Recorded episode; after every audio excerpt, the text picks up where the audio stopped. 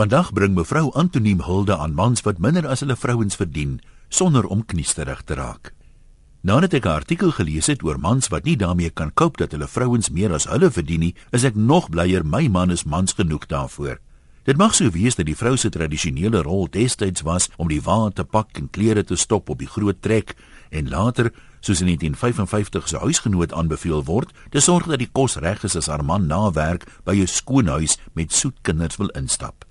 Ongelukkig lyk dit of party man se manlikheid net kan gedei as dit kunsmatig in stand gehou word. Sommige mans het blykbaar in die apartheidsera onder die indruk beland, dis enige wit man se geboortereg om 'n baas te wees. Hierdie wanindruk is histories versterk deur dinge soos die feit dat vrouens lank nie stemreg gehad het nie en geen amp in die kerk kon beklee nie.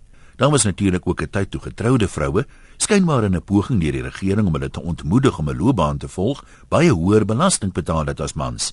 En as jy huwelik nie uitgewerk het nie, is jy of gedreig dat jy nie 'n sent sal sien nie, of jy was maar afhanklik van die bietjie onderhoud wat die meeste mans so traag en dikwels laat betaal. Hoewel vrouens vandag nog steeds minder as mans betaal word vir dieselfde werk, kan ons darm nou op meer gelyke voet met mans meeding. Maar as gevolg daarvan verkrummel party mans se selfbeeld ongelukkig sodra sy vrou meer as hy verdien. Sy is 'n vrou en hy is darm die hoof van die huis. Hoe moet hy nou gesag uitoefen oor 'n vrou van wie hy finansiëel afhanklik is? Meneer, is dit wat jou manlikheid bepaal? Jou salaris versus jou vrou se salaris? Ek weet dit is dramaties as 'n man sy werk verloor en voel hy kan nie meer sy tradisionele rol as broodwinner vervul nie. Maar sal jy dan beter en meer soos 'n ware man voel as jou vrou haar werk ook verloor sodat julle weer gelyk is?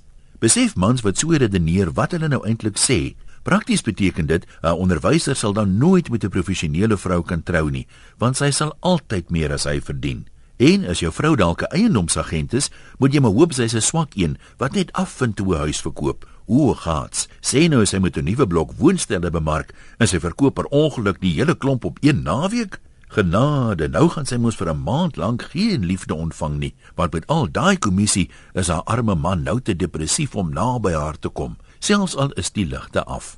Ek sal hier my man wat my aanmoedig en ondersteun en verstaan as ek laat moet werk en nie omgee om te kook en die kinders te bad nie. Hy slim genoeg om te besef ons twee speel in dieselfde span. Danksy my salaris kan ons byvoorbeeld die kinders aan die wonders van reis blootstel en niemand voel minderwaardig nie. Aan die mans wat so jaloers is op 'n suksesvolle vrouens, wil ek vra, hoe definieer jy jouself? Wat maak jou wie jy is? Net jou salaris? Dan moet jy weer dink. As dit die geval was, sou my man mos nooit 'n geliefde predikant kon wees wat ook die ryk lede van sy gemeente help om geestelik te groei nie. Groete van oor tot oor. Antoniem